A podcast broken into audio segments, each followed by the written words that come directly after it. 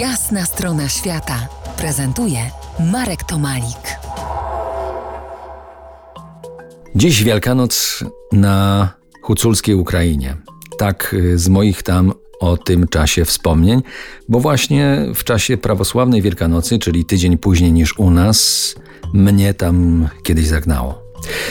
Wspominałem poprzednio o wyjściu na Hoverle, najwyższą górę Ukrainy. To jeszcze dwa słowa o tamtejszych górach, bo zrobiły na mnie mocne wrażenie. Te góry są dzikie i trudne o rozległych grzbietach i długich trasach, a pogoda w nich kapryśna i nieprzewidywalna. Podobno jest tam nocnik Europy, czyli najwięcej opadów w Europie. To także góry trudne orientacyjnie. Pasterskie ścieżki rozchodzą się na wszystkie strony i nie wszystkie szlaki są dobrze oznakowane. To wszystko jednak bardziej zachęca niż odstrasza. Czarnochora doczekała się przewodnika po polsku i nie trudno spotkać było mi tam polskich turystów. Wspinali się m.in. na Popa Iwana, 2022 metry nad poziomem morza, gdzie są ruiny najwyżej położonego budynku II Rzeczpospolitej Obserwatorium Państwowego Instytutu Meteorologicznego. W latach 30. obserwatorium dysponowało najnowocześniejszym sprzętem optycznym. To może parę słów, rys historyczny krainy, o której dzisiaj opowiadam. Otóż od czasów Kazimierza Wielkiego do czasów pierwszego rozbioru Huculszczyzna była częścią Rzeczpospolitej. Wcześniej należała do Rusi Halicko-Wołyńskiej. To były czasy wspólnot pasterskich egzystujących na marginesie historycznych zawieruch.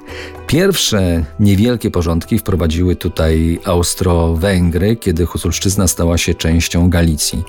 Pod koniec XIX wieku odmienność cywilizacyjna i oryginalność Hucułów zaczęły wabić artystów i pisarzy zarówno polskich, jak i ukraińskich. Tworzyli tu m.in. Stanisław Wincens, Iwan Franko czy Michajło Kociubiński.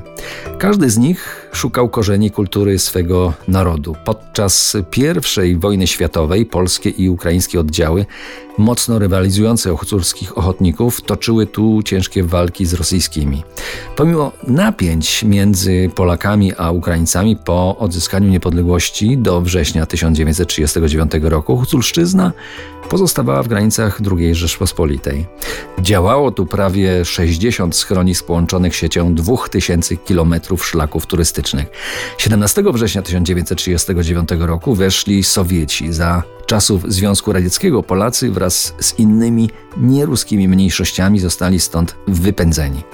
Powojenna socjalistyczna Polska na kilkadziesiąt lat skutecznie wymazała Huculszczyznę ze świadomości narodowej.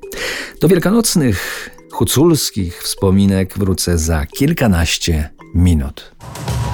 To jest jasna strona świata w RMS Classic.